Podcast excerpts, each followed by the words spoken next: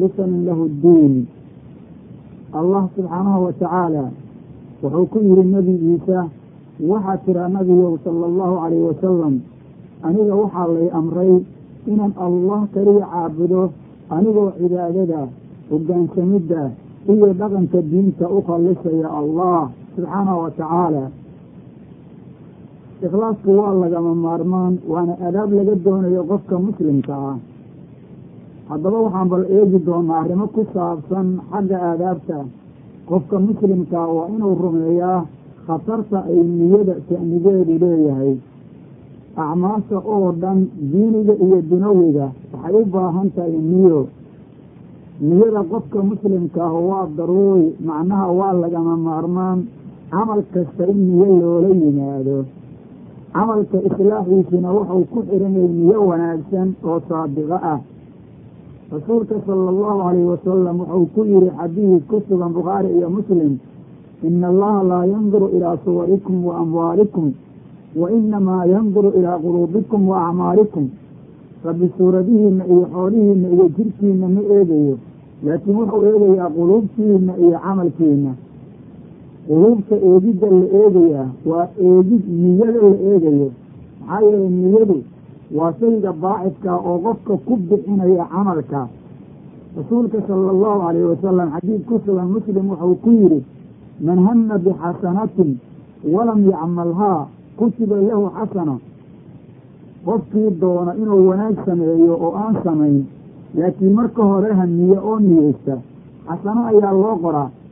Mujarad la yacni la hamiyo oo uu qofkii niyada gasado camal saalixa inuu sameeyo ajri iyo sawaab ayaa u xasilaya rasuulka sala allahu calayhi wasalam dadka dunida jooga wuxuu u qaydiyey sida xadiid ku sugan ibnu maajah sanad wanaagsan oo caddaynaya afar qaybood qof cilmi iyo maal laysugu daray oo cilmiga rabbi ku caabudaya maalkana dariiq fiican ku bixinaya waa qofka ugu sarreeya makhluuqa axad cilmi alla siiye laakiin aan maal lahayn niyadiisisa ay tahay low ilaa xoola siiyo inuu dariiq fiican ku bixiyo niyada sababteed ayuu wanaag ku gaarayaa buu yidhi sala allahu calayh wasalam axadka saddexaad waa qof xoola la siiyey oo si xun ugu cayaarayoon diin lahayn. Waa dadka kan ugu xun. Qofka afaraad waa qof aan xoolo lahayn. Camalka uu doonayo inuu sameeyaana camal xun uu yahay oo meeluu ka gaaraba. Isaguna niyadiisa xun sababteed ayuu dembiilo yahay. Niyada saalixada ah waxay qofka sabab ugu noqotaa in si wanaagsan qofka loo amaal mariyo. Muslimiintii madiine ku hartay markay nabiga iyo saxaabadu duulaanka aadeen salawaatu ullaahi wasalaamu calayh wuxuu rasuulku yidhi ajriga aada leedihiin oo kale ayay leeyihiin maxaa yeelay cudur baa xabisay niyo wanaagsan ayay lahaayeen. Niyadu hadday xumaato waatuu rasuulku caddeeyey sala allahu calayhi wasalam laba qofood oo muslimiin hadday isdilaan kii la dilay iyo kan wax dilay labadaba waa ahlu naar buu yidhi. Markii la weydiiyo la yidhi midka la dilay maxau galabsaday isaguba inuu saaxiibkii dilo ayuu doonaya buu yidhi. Salawaatu ullaahi wasalaamu calayh.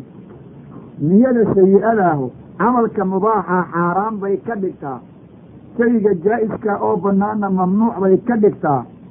Shayga dembiga ka yacni ka khaaligaana mid dembi u saaxiiba ayay ka dhigtaa niyada xumo lianna waxaa soo arooray xadiid marka la eego sanadkiisa aada loo soo dhoweeyey qofkii haweenay guursada oo aan doonin inuu maharka siiyo isagoo dembi sinaale inuu alla la kulmayo qofkii dayn qaata oy niyada uga jirto inuusan daynta bixinna inuu noqon doono qof saariqa oo tuug ah muslimiintu rabbigood ha ka cabsadeen xaqana si dhaba ha u ilaaliyeen axadka muslimkaa ha la yimaado niyo saadiqa ah niyada hadday mid hagaagsan tahay camalka mubaaxa ah daaco ayuu noqonayaa oo qofka ajir iyo sawaab laga siiyo markuu niyo saalixaa oo wanaagsan la yimaado sida cuntada iyo jiibka iyo guurkuba haddii niyo wanaagsan loola yimaado qofka ajir baa laga siin axadka muslimkaa waa inuu ogaadaa acmaasha mubaaxa oo dhan in ajir iyo sawaab weyn laga helayo haddii niyo fiican loola yimaado in la guursadaa diinta ayay ka mid tahay. Marka qofku haddii uu niyo fiican la yimaado sawaabka laga siinayaa waa mid aada u cajiib badan laakiin iska guurso waxba lagu heli maayo. Cuntadu hadday xalaal tahay daacada alle in loogu loo loogu xoogaabana loo cuno ajir baa laga helayaa. Iska cun hadday tahay laakiin waxba laga gaari maayo. Camalka saalixa haddii uu niyada fiican ka khaali noqdo shaygaasu wuxuu noqonayaa shay dembi ah. Midda kale niyadu waxa ay anfacdaa oo ay wanaagga ka dhigtaa waa camal diinta waafaqsan. Dad baa waxay dhiseen dadka saalixiinta qubuurtooda. Xoolo ayay u qaleen. Xumaan ayay ku dhaqaaqeen. Waxay sameeyeen waxyaalaha la yidhaha baktiyaa masriib waxay qaateen ribo. Waxay ka qayb galeen meelaha muusiqa lagu garaaco. Annagu niyad fiican iyo khayr baan ula jeednay kugu leeyihiin. Taas ayadaa wax suuragala ma ahan mana noqonayso waxaa niyo diinta islaamkuna arrintaa ma qabto. Niyadu waxay wax ku tari kartaa camal hagaagsan oo diinta waafaqsan oo alla raalli ka yahay subxaanahu wa tacaala laakiin shay diinta lagu xarimay niyo kuma hagaagayo ee rabbi ha laga boqo subxaanahu wa tacaala qofka muslimkaa waxaa laga doonayaa inuu la yimaado edabta la doonayo alla micigiisa inuu ula yimaado subxaanahu wa tacaala waa inuu qofka muslimkaah u eegaa waxa alle uu dushiisa u galay oo nicmo ah oo aan la soo koobi karin. Waa inuu ogaadaa qofka muslimkaa inuu ahaa biyo riximka hooyadii ku jira. Markaa ka gadaalna rabbi ou sidaa u amaamuday ilaa laga dhigay qof xoog leh oo bannaan ka yimid. Axadka muslimka eedaabta looga baahan yahay waxay tahay waa inuu rabbi carabka uga shukriyaa waa inuu rabbi si dhaba u ammaanaa waa inuu rabbi si dhaba u qadariyaa subxaanahu wa tacaala nusuusta diintana sida ay tahay oo ugu socdaa kawaarixdiisa waa inuu u adeejiyaa daacada allah. Waana inay qofka muslimkaa ou iska ilaaliyaa nicmada rabbi inuu ku kufriyo. Fadliga alle inuu diido. Ixsaanka alla u galay inuu inkiro. Allah wuxuu qur'aanka ku yidhi subxaanahu wa tacaala wamaa bikum min nicmatin fa min allah wax alla waxa nicmo aan haysanoon ku sugannahay oo islaamnimada caafimaadka lixaadka caqliga iyo wax walbaba xagga rabbi inay ka yimideen ayuu alla noo sheegay subxaanahu wa tacaala. Wuxuu rabbi nagu odhanayaa wa in tacudduu nicmata allahi laa tuxsuuha. Haddaad isku daydaan nicmada rabbi idiin galay inaad tiridaan ood xisaabtaan ma koobi kartaan ee rabbiga idin khalqay ka cabsada oo alla carabka ka ammaana qalbiga ka qadariya xibnahana daacadii alle u adeejiya. Lianna allaha wuxuu yidhi jalla jalaaluhu faadkuruunii adkurkum washkuruu lii walaa takfuruun. War aniga i xusa waan idin xusayaahe igu shukriya ha igu kufrinina diintayda ha la yicinina sidaas ayuu allah yidhi subxaanahu wa tacaala. Axadka muslimkaa waxaa laazim ku ah inuu eego allah subxaanahu wa tacaala cilmigiisa. Waa inuu qofka muslimkaa u ogaadaa alla inuu daalacanayo waqti walba. Waa inuu qofka muslimkaa ka shariigtaa macsiyada allah. Waa inuu ka xisoodaa rabbi inuu khilaafo daacada alle inuu ka baxo aadaabta lagaa doonayo inaad macallahi u samaydaa sidaa weeye. Addoonka muslimkaa ha iska ilaaliyo inuu nicmada allah u galay macsiyo qaabiliyo in allah fadliga iyo faa'iidada ou siiyey dulli iyo qubxi wax lagu kisbanayo ou qaabiliyo waana inuu ogaadaa qofka muslimkaa yaclamu maa tusiruuna wamaa tuclinuun. Allah inuu yidhi wax alla waxaad siriyaysanaysaan iyo waxaad muujisanaysaan alla waa ku cilmi leeyahay. Rabbi wax ka qarsoono ma jiraan. Axadka muslimkaa waa inuu eegaa rabbi ugoodda ou dushiisa ku leeyahay. Waa inuu ogaadaa waxa haya fooddiisa oo jirkiisa maamulaya inay allah yihiin. Alla meel looga carara ma lahan. Makaan looga koro cadaabkiisa ma lahan. Ilaa asaga in loo carara mooyaane. Muslimku waa inuu alle xaggiisa u cararaa waa inuu rabbi isku hor tuuraa waa inuu amarkiisa alle u bandhigaa. Waa inuu talada alle u dhiibtaa aadaabta noocaasa ayaa qofka muslimkaa looga baahan yahay. Axadka muslimkaa waa inuu ku dhaqmaa hadalkou allah yidhi fafiruu ila allah innii lakum minhu nadiirun mubiin. Waxuu rasuulku yidhi sala allahu alayh wasalam abiyo waxaad ku tidhaah alla ku yidhi u soo carara xagga allah maxaa yeele anugu adinka ayaan idin digay ah digidayduna way caddahay. Rabbi wuxuu yidhi wacala allahi fatawakkaluu in kuntum mu'miniin wa rabbi dushiisa talada u dhiibta oo alla tala saarta haddaad mu'miniin tihiin ahadka muslimkaa waa inuu eegaa naxariista oo alla u gelayo iyo ludfiga rabbi umuurtiisa oo dhan. Axadka muslimkaa marka hadduu doonayo in alla naxariista u siyaadiyo waa inuu alla u tadarucaa waa inuu alla baryaa waa inuu alla ugu tawasulaa ou ku baryaa hadal midka ugu qaymo badan. Waa asmaada alle waa inuu alla ugu tawasulaa ficil la qabto midka ugu qaymo badan waa camalka saalixa ahe. Arrintaas ayada ayaa laga doonayaa qofka muslimkaa qofka muslimkaa waa inuu ogaadaa naxariista alle shay walba inay waasic u noqotay. Balaayo waxa ugu daranna inay tahay waa inuu ogaadaa in naxariista alle laga quusto ama cadaabka alle laga aamin noqdo allah subxaanahu watacaala wuxuu noo caddeeyey naxariistiisu inay waasicto wuxuu nagu yidhi waraxmatii wasicat kulla shay laakiin yaa iska leh fasaaktubuhaa liladiina yattaquun. Allah wuxuu noo sheegay inuu addoommada u turo allahu ladiifun bicibaadi. Rabbi addoommadiisa mid u turid badan weeye oo u naxariista.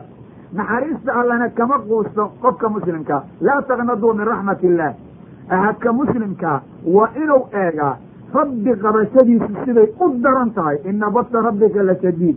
Iyo aarsiga alle sida u awood badan yahay. Iyo xisaabka alle sidau u degdegayo. Marka waa inuu iska ilaaliyaa. Allaha awooddaasle dembi inuu ka galo. Subxaanahu wa tacaala waayo allah subxaanahu wa tacaala markuu qolo xumaan la doono cidna kama difaaci karto. Wa idaa araada allahu biqowmin su'an falaa maradda lah wamaa lahu min duunihi min waal qolo markuu alla la doono xumaan wax ka radin kara iyo wax ka celin kara uma sugna. Waana inaad ogaataa alla sukadiisa ilaaliye iyo gargaara inaan dadku lahayn. Ahadka muslimkaa waa inuu eegaa marka uu dembi gelayo ee uu daacada alla ka baxayo waciidka allah. Cadaabka alle inuu ku soo dego waa inuu ka baqaa. Saacadda inay musiibo ku dhacdo waa inuu ka baqaa waana inuu ogaadaa alla inuu daalimiinta muddo ka aalo maanta uu qabtana inaan dib loo faki doonin. Haddaba waxaa lagu guulaysanayaa oo aadaabtu isugu imaanaysaa qof muslima haddaad tahay inaad allah adeecdid rasuulka adeecdid wixii rabbi kugu waajibiyey aad fulidid waxa rabbi kaa xarimay aad ka tegtid saas ayaadna ku liibaani. Camal saalixa qofka la yimaada oo iimaan leh nolol wanaagsan baa adduunka la siinin aakhiro firdowse iyo jannaa lagu amaal marinin. Camalka aad samaydo toban xas toban ayaa ugu yar labanlaabkiisa sayi-adana hal xabbaa laguu qorin rabbiga sharafta iyo awoodda nuucaasa leh oo diinta nuucaa u warramayda soo dejiyey addoon u noqo oo ka amar qaado. Nicmada alla kuu galay uga shugri macsiyada aada rabbi ka gelaysa ka xis ka ka xiso oo ka sariigo laabashada aada alla u laabanaysa ka run sheeg rabbigaa talada u dhiibo naxariistiisa rijay aarsigiisa ka baqo danniga allah u wanaaji. Ballanta aada alla u qaaday fuli diinta alle inta uwoodaadu la eg tahay cus qabso oo si dhaba ugu dheg arrinkaa haddaad yeeshid ahalka allaad ka mid noqonin allah ku ilaalinin naxariistiisou kugu soo dejinin darajo sare ayuu ku siinin dulli adduunyo iyo cadaab aakhirana wuu kaa ilaalinin qofka muslimkaa waxaa laga doonaya inuu aadaabtaa la yimaado. Axadka muslimkaa waa inuu rumeeyaa kalaamka allah sharafta iyo qiimaha uu leeyahay. Iyo sida kalaamka alle uga sarreeyo inta kale hadala qur'aanka kariimkaa waa kalaam allah. Oo aan hortiisa iyo gadaalkiisa baadil ka imaanaynin axadka ku dhawaaqaa waa run sheegaa. Qofka wax ku xukumaa waa cadaalo sameeyaa ahalka qur'aanku waa ahalka allah. Dadka qur'aanka ku dhagaa way nabad galaan. Dadka qur'aanka ka jeestaa way halaagsamaan wayna khasaaraan. Kalaamka alle inuu nuucaa yahay waa inaad rumaydaa aadaabta lagaaga rabo kalaamka alle inaad micigiisa ka rumaysnaati nuucaa weeye qofka muslimkaa iimaankiisu wuxuu ku ziyaadaa kitaabka alle weynayntiisa qadarintiisa ku dhaqmidiisa u adeegiddiisa iyo ugu yeeridda makhluuqa loogu yeerayo. Waa inaad rumaysanaataa allah inuu yidhi ittabicuu maa unzila ilaykum min rabbikum. Waxaad raacdaan xagga rabbi waxaa laydinkaga soo dejiyey. Wax kale oo la raacayaa ma jiraan. Wuxuu yihi rasuulku yihi sala allahu alayh wasalam iqra'uu hada alqur'aan iqra'uu lqur'aan akriya qur'aanka oo saaad u akridaan ugu dhaqma maxaa yeelay fa inahu yaji-u yowma alqiyaamati shafiican liasxaabi. Waxuu maalinta qiyaamada imaanaya isagoo u shafeecaya saaxibkiisa oo u gargaaraya oo rabbi u weydiinaya alla inuu badbaadiyo subxaana wa tacaala. Xadiid muslim ku sugan buu nabigu saa ku yidhi sala allahu alayh wasalam makhluuqa yaa ugu khayr badan buu nabigu yidhi axadka qur'aanka barta lafdan wa macnan oo ku dhaqma oo waxa uu bartou ku dhaqmay dadka barakana run sheega ma ahan inuu iska sheegto qalbigu waa miridaystaa waxa lagu nadiifiyo ku khushuucaa waa qur'aanka. Xukun haddaad u baahatid qur'aanka u laabo qiso lagu cibro qaato qur'aanka ka raadso alfaad yacni ku dhawaaqideeda ajir laga helayo qur'aanka ka raadso ammaanta alle qur'aanka ka raadso qadari waa kalaam alle eh. Waadna ku guulaysanaysaa axadka muslimka waa inuu ogaadaa qur'aanku in uu yahay koonkan waxa loogu talagalay axadka muslimkaa iimaankiisu waxau ku kordhaa inuu xalliso waxau qur'aanku u xallilayo inuu iska xarimo waxa qur'aanku ka xarimayo inuu laasimo aadaabta qur'aanka ugu yeerayo inuu ka akhlaaq dhigto akhlaaqda qur'aanka taasaa lagaa doonaya qur'aanka akri alfaadiisa ku tadabbur axkaamtiisana fuli qofka qur'aanka akrinayaa waa inuu xasiliyaa. Waratili lqur'aana tartiila. Waa inuusan tilaawada dedejin saddex maalmood ka yarna waa inuusan ku dhammaynin sidii rasuulku uu ku yihi xadiid xasana man qara'a alqur'aana fii aqali min halaati layaal lam yafqah axadkii qur'aanka ku dhameeyay saddex maalmood wax ka yar ma fahmin waxau akriyey waa iska sololqiyey muslimiintu waxay qur'aanka ku dhamay jireen usbuucii mar sida ugu badan. Way wanaagsan tahay qur'aanka marka la akrinayo in la dahaaro qaato la weese qabo. Laakiin qofku hadduu dahaarada iyo weesada isagoon qabin qur'aanka akriyo waa akrin karaa. Wax mushkiladuna ma jiraan. Qur'aanka marka la akrinayo waa in khushuuca la laazimaa waa in tiiraanyo qofku muujiyaa. Waa inuu qur'aanka qofku ku ilimeeyaa waxaa kaloo qofka muslimka oo qur'aanka akrinaya laga doonayo inuu sawdkiisa ku wanaajiyo. Lianna rasuulka ayaa yidhi sala allahu alayh wasalam zayinu lqur'aana biaswaatikum. Waa xadiid axmed iyo rijaal kale ay qoran oo saxiixa.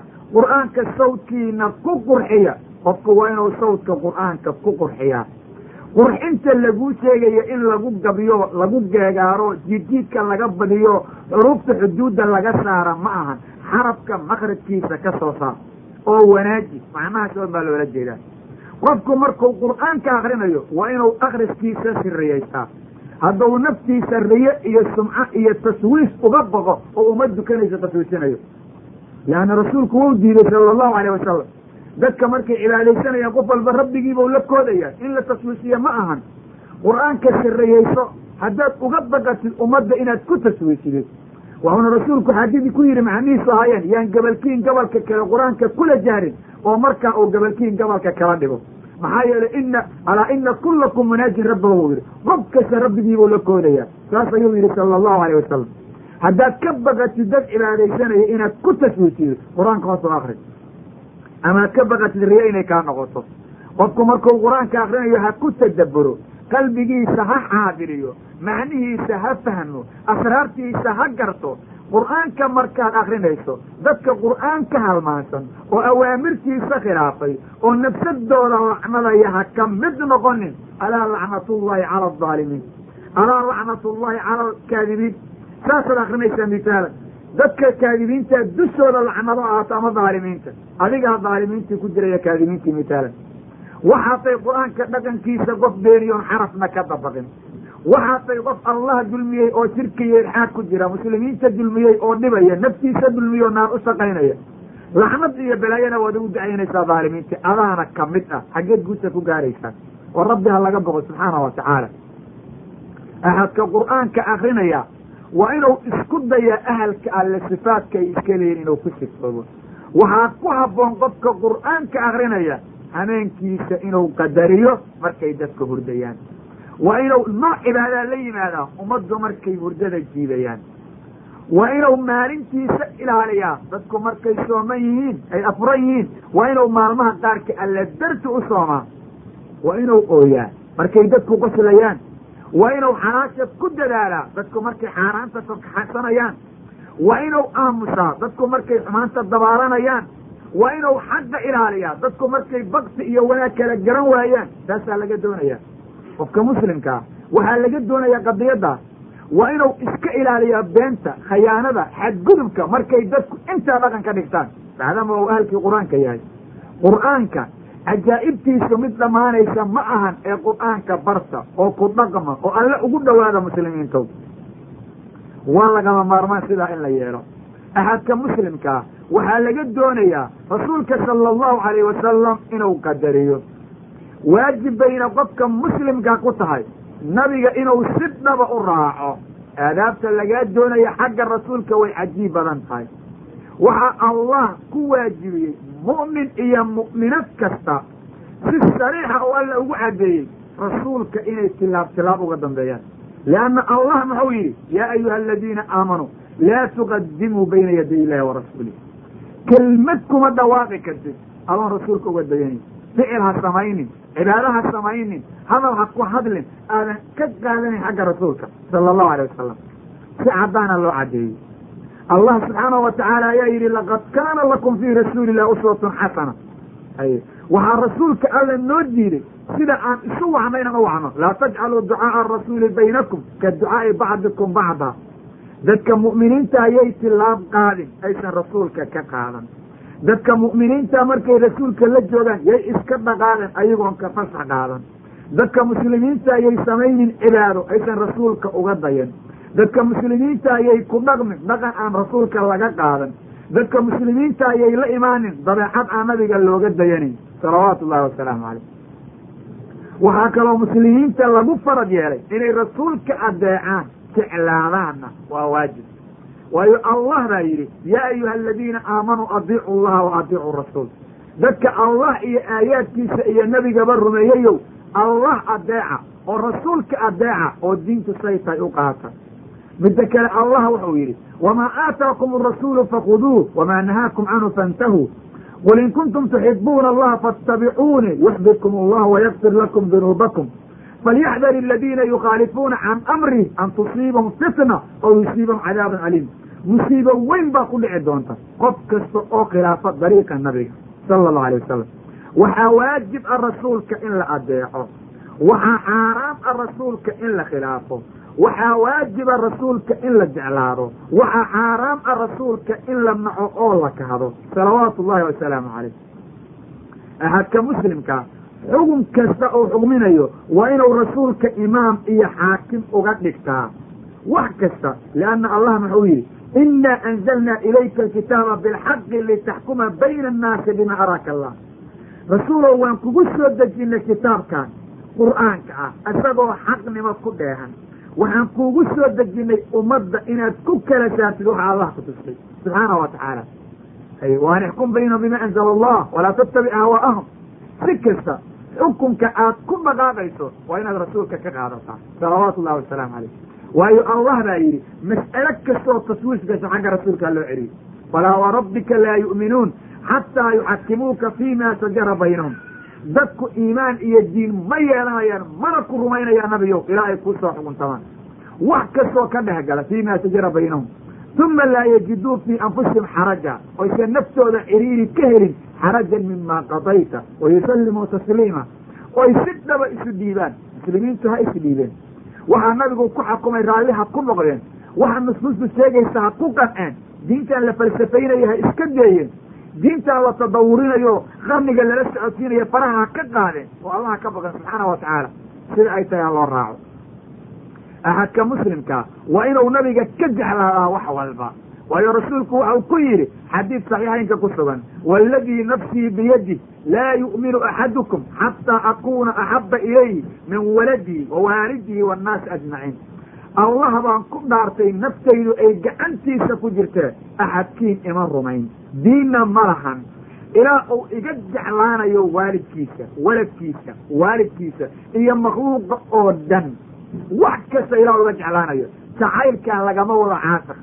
Waxaa loola jeedaa makhluuqa oo dhan hadday shay isku raacaan oo shaygaa uu nebigu diiday warkooda inta diiddo waa inaad ka nebiga yeeli kartaa. Dib kasta ha kugu jiro si kasta nafta u kahanayso yani jacaylkan la sheega noocaa weyan waa midka nafta lagu qasbayo midka nafta laysaga dabeeceyo ma ahan. Kaa ma ahan xubbigaan la sheegaya waa midka nafta lagu qasbayo laga keenayo. Maxaa yeele naftu ma rabto xeelaa qaarkood ehelka iyo tolka iyo qarabada in la khilaafo ilmaha iyo haweenka may kulligood oo idin hadday ku keenaan arrin oo arrinta uu rasuulku diiday warkooda tuur oo warka nabiga yeel sala allahu alayh wasalam maxabada laguu sheegayo oo diinta ogoshay taa weeye rasuulka sala allahu alayh wasalam waxaa alla ku khaas yeelay oo sharaf iyo wanaaga u sug. Rasuulka adeec oo raadkiisa raac oo tillaabooyinkiisa ku dayo oo xubbigiisa iyo qadarintiisa iyo weynayntiisa makhluuqa oo dhan qadarintooda iyo weynayntooda ka hormarin. Waxa uu rasuulku xariiriyey xariiri waa muslimiinteed. Waxa uu rasuulku la collaytamay la collaytan waa gaalada iyo cadowga diinteed.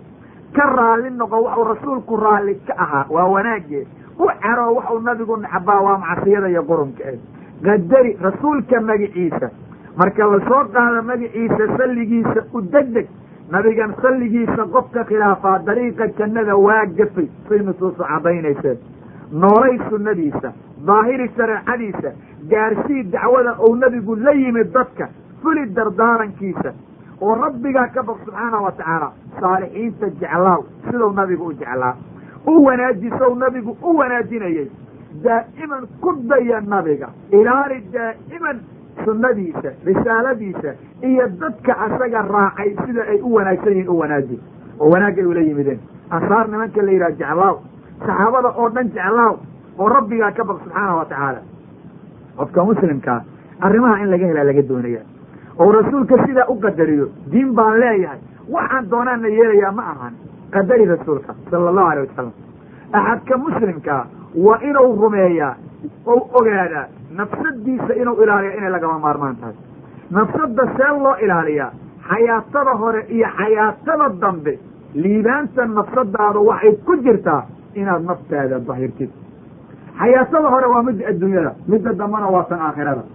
Waxay ku jirtaa sharaftaada iyo liibaanta nafsadaada inaad naftaada dahirtid halaagaaguna waxuu ku xihan yahay inaad nafsadaada fasahaadiyid ood wasaqaydid nafta see loo dahiraa allah yidhi oo ka warramay sida loo dahiri lahaa. Qad aflaxa man zakkaaha waqad khaaba man dasaaha waxaa liibaanay qofka nafsadiisa ku dahiray iimaan camal saalixa ku dhaqanka qur'aanka ku dayatada nabiga sala allahu alayh wasalam waxaa dulloobay musiibo ku dhacday qofka nafsadiisa ku wasaqeeyey shirki macaasi xaaraan cunid xaqdaro xaqiridda muslimiinta khilaafidda nabiga iyo ku cayaaridda qur'aanka. Waa dulloobay kaas. Balaayaa ku dhacday. Musiibo weyn baa ku timid. Marka qofka muslimkaa liibaantiisa adduunka iyo tan aakhirada maxay ku xirantay? Inuu nafta dahiro. Ouna ka dahiro nafta qurunka soo gaarayoo dhan. Waa shirkiga waa kibirka waa xaasilnimada waa yani isla yaabka waa cibaadada ha lagugu arka loo sameeyo waa jirkaaga ximin kamida inaad xaaraan ku koriyid waa inaad dadka muslimiinta in yaroo xaqdaraa ku sameeyey iska ilaali. Waayo allah wuxuu yihi subxaana wa tacaala waalcasri ina alinsaana lafii khusr. Ila aladiina aamanuu wacamiluu asaalixaati watawaasaw bilxaqi watawaasaw bisabr insaanka oo dhan haadaan halaag khasaaro cadaab iyo ciriiri bay ku sugan yihiin. Adduunka iyo aakhirada labadaba. Adduunka iyo aakhirada khasaarada iyo dulliga iyo ciriiriga waxaa ka baxa dadka isku darsaday iimaan iyo cilmi iimaan iyo cilmi markii laga helana camalfal raacsiiyey camalfal iyo cilmi iyo iimaan iyo wanaag markay la yimideenna wanaagga ay jirkooda ku nadiifiyeen dadka gaarsiiyey. Waxa wanaaggaa markay ummadda gaarsiiyeen dhibka ku yimid alla darti u xamilay. Dadkaas oon baa insaanka inta kale balaaya ku waa inuu ka salaayaa ka qoomameeyaa dembi kastou hore u galay waa inuu goostaa inuusan dib dembiga ugu laaban cumrigiisa inta ka dhiman. Wax walba oo wanaaga waa inuu u degdegaa lianna allaha wuxuu yidhi yaa ayuha aladiina aamanuu tuubuu ila allahi tawbatan nasuuxa casaa rabbukum an yukafira cankum sayi'aatikum wayudkilakum jannaatin tajrii min taxtiha alanhaar. Dadka allah iyo aayaadkiisa iyo nebigaba rumeeyayo xagga alla u laabta oo la imaada tawba nasuuxa ah. Tawbada nasuuxada ah. Waxaa loola jeedaa gooso inaadan dembiga dib ugu laaban. Caano laga soo lisa neef oo weel ku jira inay weelka ka baxaan ay naasihii ku laabtaan. Siday mustaxiil u tahay. Waa inay mustaxiil agtaada uga noqotaa inaad dembigii ku laabatid. Carabka waa inaad ka sallaydaa. Qalbiga waa inaad ka baqataa. Xibnaha waa inaad diinta u adeejidaa. Taasaa lagaa doonaya haddaad tawbadaa la timaadaan rabbi waxau xaqiiqo kuyoo laga rajaynayaa inuu dembiga idiin dhaafo. Jannaad iyo beero hoostooda wadayaal durdurayaan inuu idin geliyo. Muslimiintow dhammaantiin alla u laabta waa liibaanaysaan adduunka iyo aakhirada labadaba. Wuxuuna rasuulku yidhi sala allahu calayh wasalam man taaba qabla an tadluca shamsa min maqribiha taaba allahu calayh. Qofkii rabbi u laabta intaan qoraxdu ka soo bixin booska ay u dhacdo alla waa ka tawba aqbalaa alla waa u naxariistaa xadiidkaa wuxuu ku sugaya muslim iyo meelo kale. Waxau rasuulku yidhi rabbi u laabta darow anigu maalintii alla waan u tooba keenaa mia mara boqol jeer. Iyo wax ka sii badan intaba xadiidkaana muslim baa qoray. Tawbada alla waa ku farxaa ee tooba keena dembi kastood gaso rabbi dhaafa ayaa jira ee intaan xayaatada qaaditaankeeda la gaadhin amaan qoraxdu ka soo bixin booska ay u dhacdo qof walbow deg deg oo alla u tooba keen oo naftaada la xisaabtan oo naftaada ka dahir qudanka nafta aadaabta lagu ilaalinaya waxaa ka mid a muraaqaba. Axadka muslimkaa naftiisa waa inuu ku qabtaa rabbi inuu muraaqabaynayo. Waa inuu nafsadiisa tusaa laxdag kastoo xayaatada soo martay inuu alla micigiisa yahay. Ilaa uu qofku yaqiiniyo allah inuu daalacanayo sirtaadou alla og yahay camalkaadou alla kontaroolayaa dushaadou alla taagan yahay maqalkiisa cilmigiisa iyo araggiisau alla micigaaga ku yahay. Subxaanahu wa tacaala. Allah subxaanahu wa tacaala wuxuu kaa doonayaa daacada inaad wanaajiyo waayo allah wuxuu yidhi waman axsanu diina miman aslama wajhahu lilahi wahuwa muxsin wuxuu allah ugu jecel yahay makhluuqa oo diintiisu ay diin fiicantahay waa qofkee waa qofka wejigiisa alla u hogaamiya axadkaas ayaa diintiisu fiican tahay isagoo camalkiisa ka dhigaya mid ikhlaas ah oo diinta waafaqsan axadka muslimkaa maxaa laga rabaa waa inuu ka sifooba hadalkau alla yidhi waman yuslim wajhahu ila allahi wahuwa muxsin faqad istamsaka bilcurwati alwustaa axadkii allah isu dhiiba markau rabbi isu dhiibanayana daacada alla ilaalinayo oo diinta ku sugan oo camalku alla darsi ka yahay oo tilaabtau qaadaya ay kitaabka iyo sunnada waafaqsan tahay xarig lagu kalsoon yahay oo aan la halaabayn ayuu ku dhegay waa kitaab tawxiidkiiyo axadka muslimkaa waa inuu rabbi u caabudaa sida isagoo arkay oo kale. Lianna haddaadan allah arkayn allah isagaa ku arkaya adiga. Rabbigaa muraaqabay naxariis alla ka rijay cadaabka allah ka baq diinta islaamka dhab u ilaali qofka muslimkaa taas ayaa laga doon.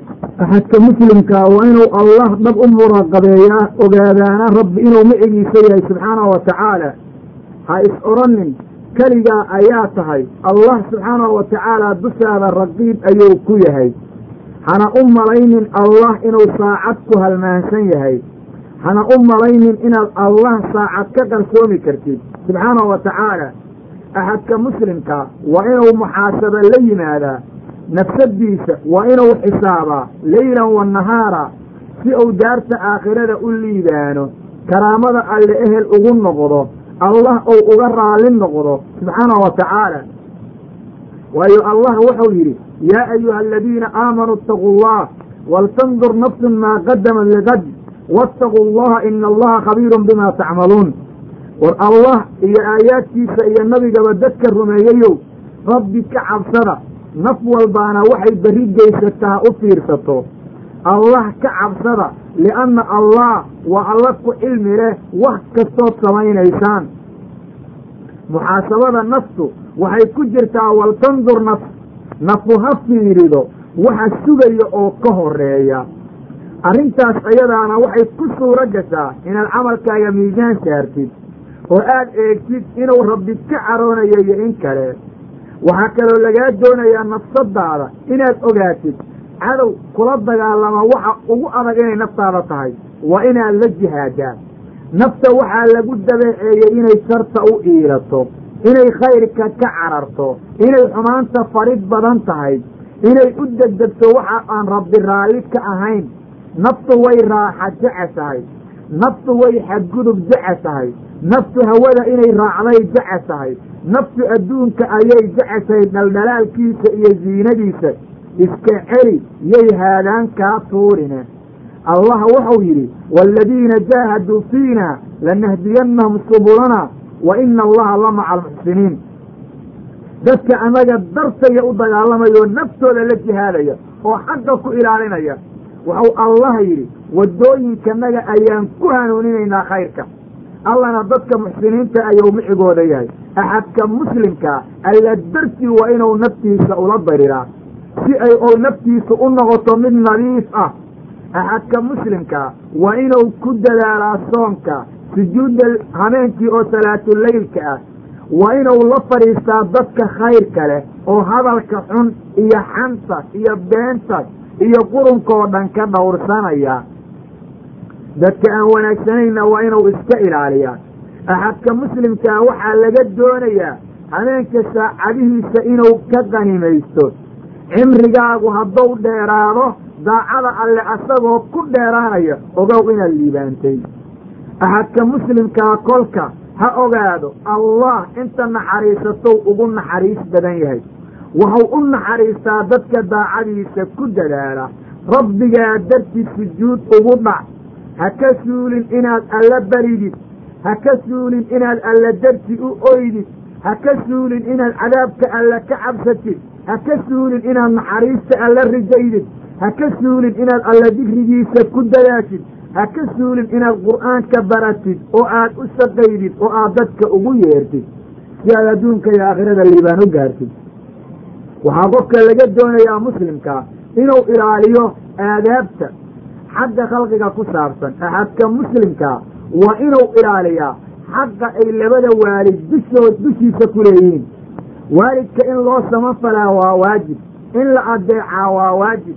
In ixsaan loo sameeyaa waa waajib. Oo si kasta loo wanaajiyo.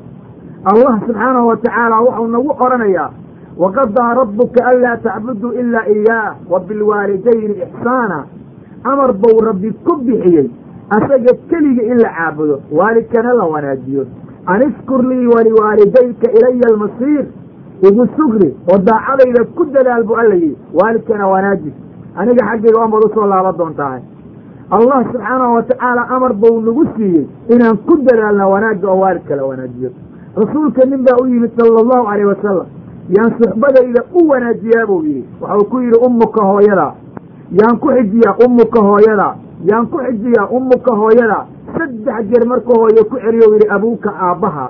Salawaatu ullahi wasalaamu calayh xadiidka bukhaari iyo muslim baa soo saaray. Allah waxuu dusheenna ka xarimay. Sidau rasuulku sheegay sala allahu calayh wasalam cuquuq alummahaat in hooyooyinka la caasiyo in xaqa la manciyo waxaadan lahayn in loo yeerto gabdhaha in la nolol duugo wuxuu allah noo nacay hadalka badan su'aasha badan iyo xoolaha in lagu cayaaro. Xadiid macnaha tusiye bukhaari iyo muslim buu ku qoran yahay dunuubta alla laga galo kuwa ugu waaweyn waxaa ka mid a waalidka oo la caasiyo oo lagu xadgudbo samafalka midka ugu fiican waxaa ka mid a inaad waalidkaaga wanaajidid saaxiibadood wanaajidid qaraabada aad alla darti u xariirisid oo qaraabada waalidka kuugu imaanaysa aada wanaajidid. Waalidka u ducay ballankooda fuli saaxiibkooda karaamay qaraabada dartood kuugu imaanaysana wanaaji waalidku waxay ku faraan waa inaad ku adeecdaa waxay kaa reebaan waa inaad ka tagtaa haddaysan macsiya ku jirin iyo shareecada khilaafkeeda. Maxaa yeelay makhluuqa laguma adeeco allaha khaaliqa caasinkiisa waalidka waa inaad qadaridaa. Sa'nigooda waa inaad weynaysaa hadalkooda waa inaad karaamaysaa waa inaadan hororin waa inaadan ku qayliyin waa inaadan hortooda soconin waa inaadan nafsadaada ka dooranin waalidka ood waalidka qadaridaan magacooda waa inaadan ugu yeedhin. Markaad safraydo waa inaad idankooda ku safartaa. Waa inaad u samanfashaa oo wax kastoo gacantaadu la gaartoo wanaaga aada u qabataa. Quudkooda aratirkooda daawayntooda dhibka ilaalintooda waa inaad ku dadaashaan. Si kasta waalidka inaad u wanaajidaa lagaa doonaya axadka muslimka waxaa laga doonayaa awlaaddiisa inuu wanaajiyo. Xuquuqda ay ku leeyihiin dushiisana waa inuu ictiraafo waajib bay ku tahay qofka muslimkaa inuu awlaadda xuquuqdooda guto. Xuquuqda ay ilmuhu leeyihiin waxaa ka mid ah laba qofku markuu guursanayo qofka uu guursanaya inuu diin leeyahay. Magaca ilmaha in la wanaajiyo. Ilmaha in laga waqlalo maantay dhashaan maalinta ka toddobaad in gudniin loo sameeyo oo la gudo in loo naxariisto loo dhimriyo in la nafaqeeyo tarbiyadooda in la wanaajiyo aadaabtooda in laga fekero shareecada islaamka in la baro lagu barbaariyo waajibka uu allaha leeyahay iyo sunanta intaba.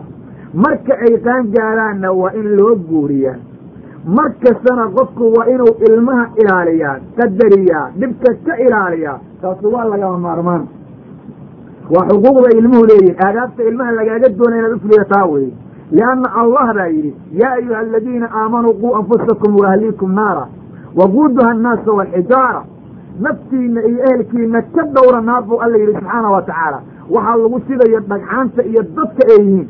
Aye waxaa lagaa doonayaa marka inaad si dhaba u adeecdid waalidka waajib bay ku tahay owlaadda inuu tacliinta baro tarabiyeeyo hanuunka ku xambaaro khayrka sabab ugu noqdo daacada allah iyo daacada rasuulka uu ugu yeedho kufriga macaasida yani waxyaalaha fasaadku ku jiro oo dhan iyo shartana uu ka ilaaliyo oo cadaabka alle lagu gaarayo.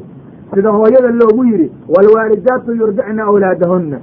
Halkaas waxaa laga gartay inay waajib ku tahay waalidka inay ilmaha nafaqeeyaan.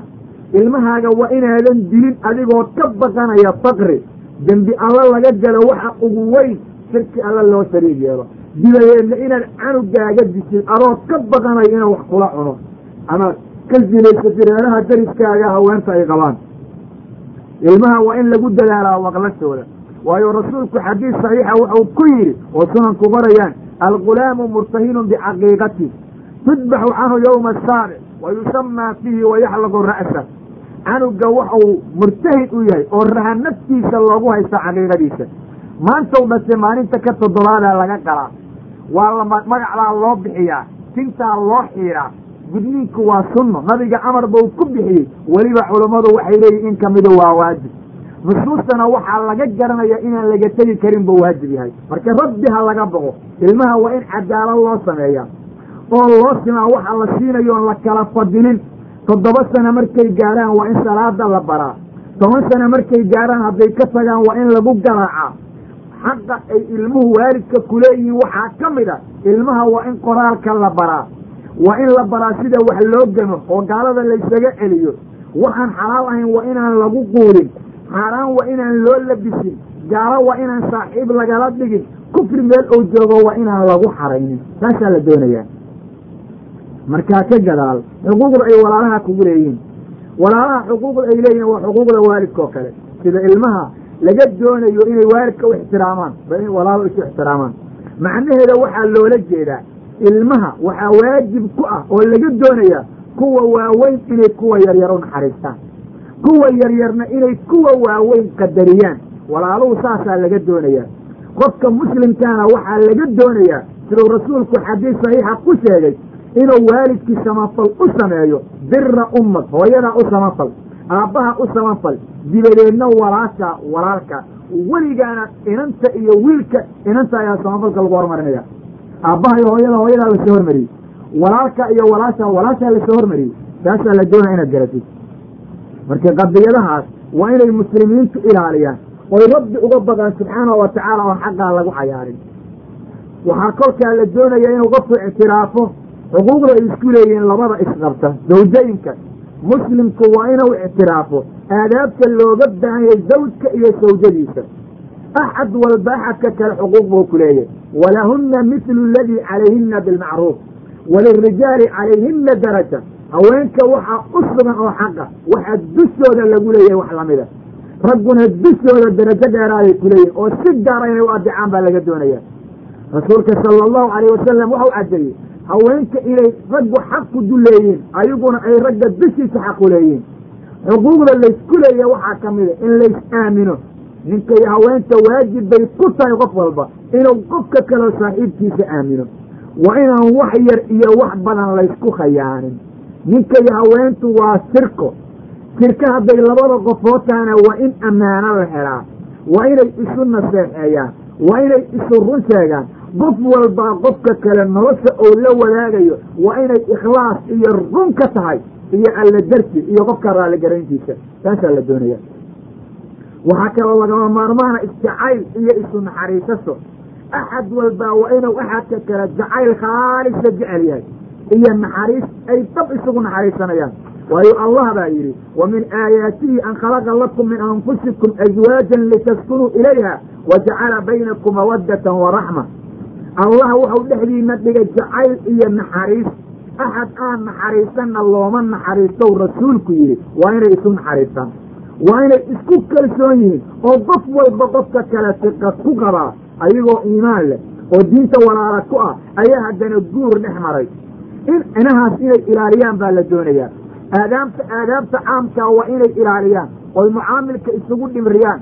Oy wejiga isugu isu furfuraan oy hadalka isu wanaajiyaan oo axad walba axadka kala ixtiraamo waayo allah wuxuu yidhi waxaashiruuhunna bilmacruuf. War dumarka wanaag kula dhaqma.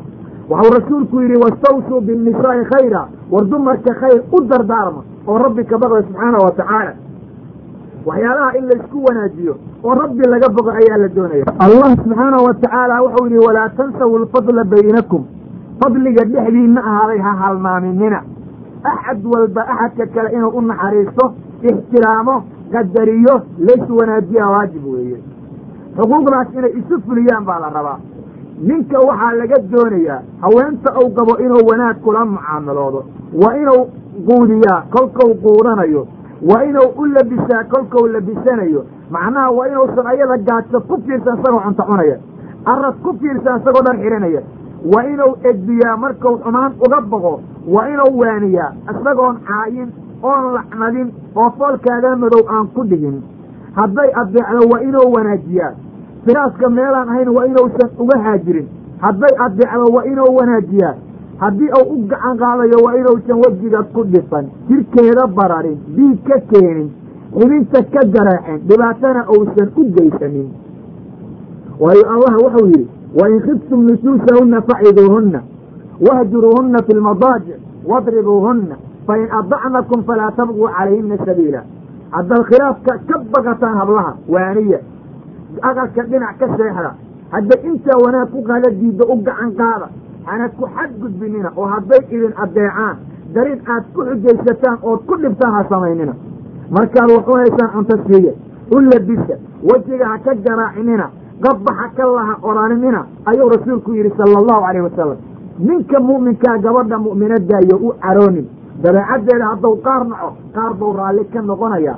Waxaa laga doonayaa waxyaalaha daruuriga oo umuurta diinteeda ka mida waa inuu baraa haddaysan garanayn macallin waa inuu u sameeyaa hadduusan wax qaban karin.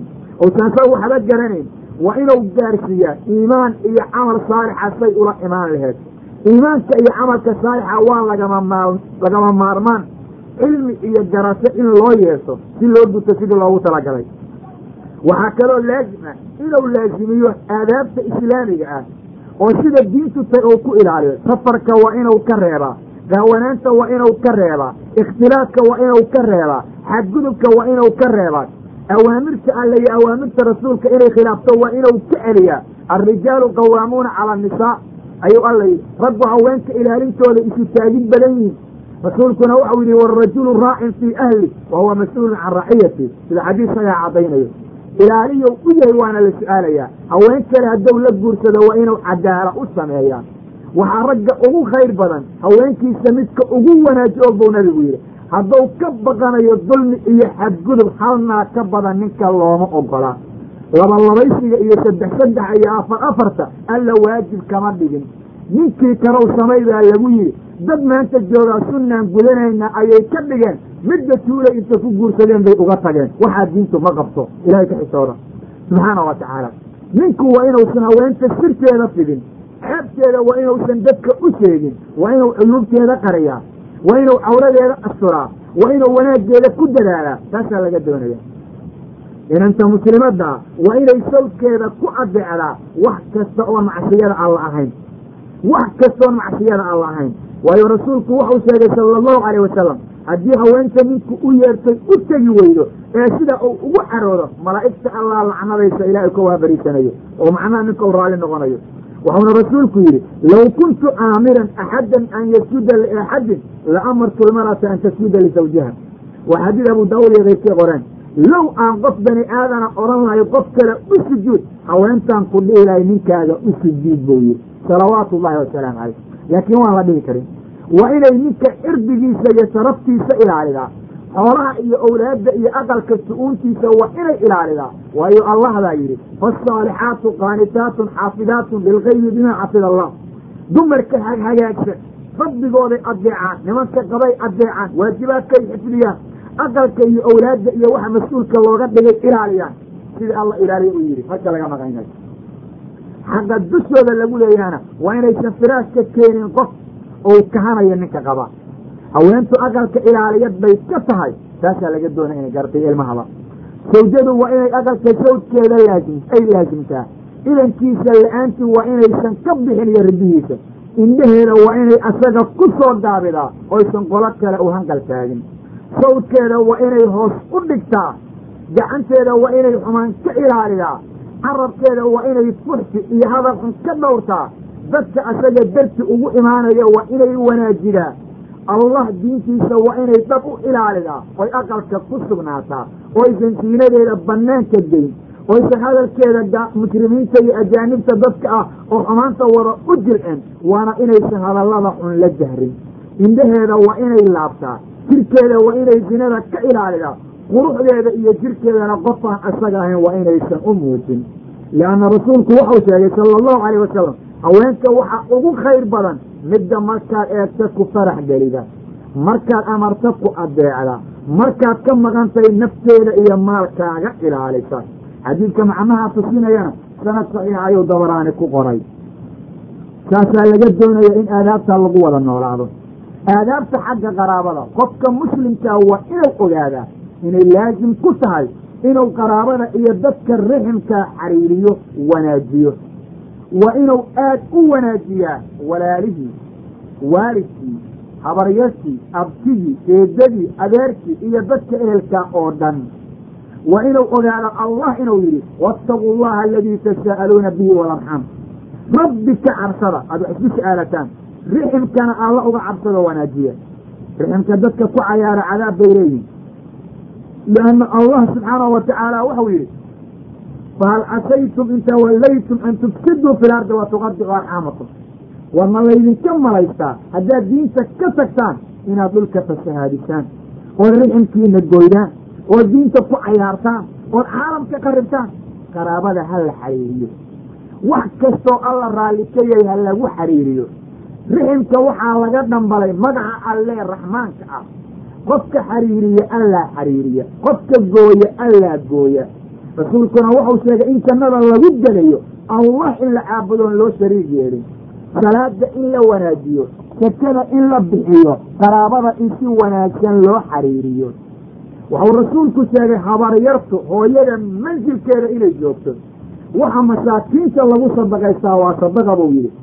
Yacnii qof miskiinoo qaraabadaada waxaa tidhaana waa sadaqo iyo qaraabo xariirin adilo saxiixa sidaa ku soo aroortay ha la wanaajiyo ehelka ha lagu yaan lagu cayaarin muslimiinta. Dadka muslimiinta ee nolosha wadaagay ninka iyo haweenta isqabana waxaa si gaara labadooda looga doonayaa. Qof walba inuu qadariyo dadka qofka kale darti ku imaanaya.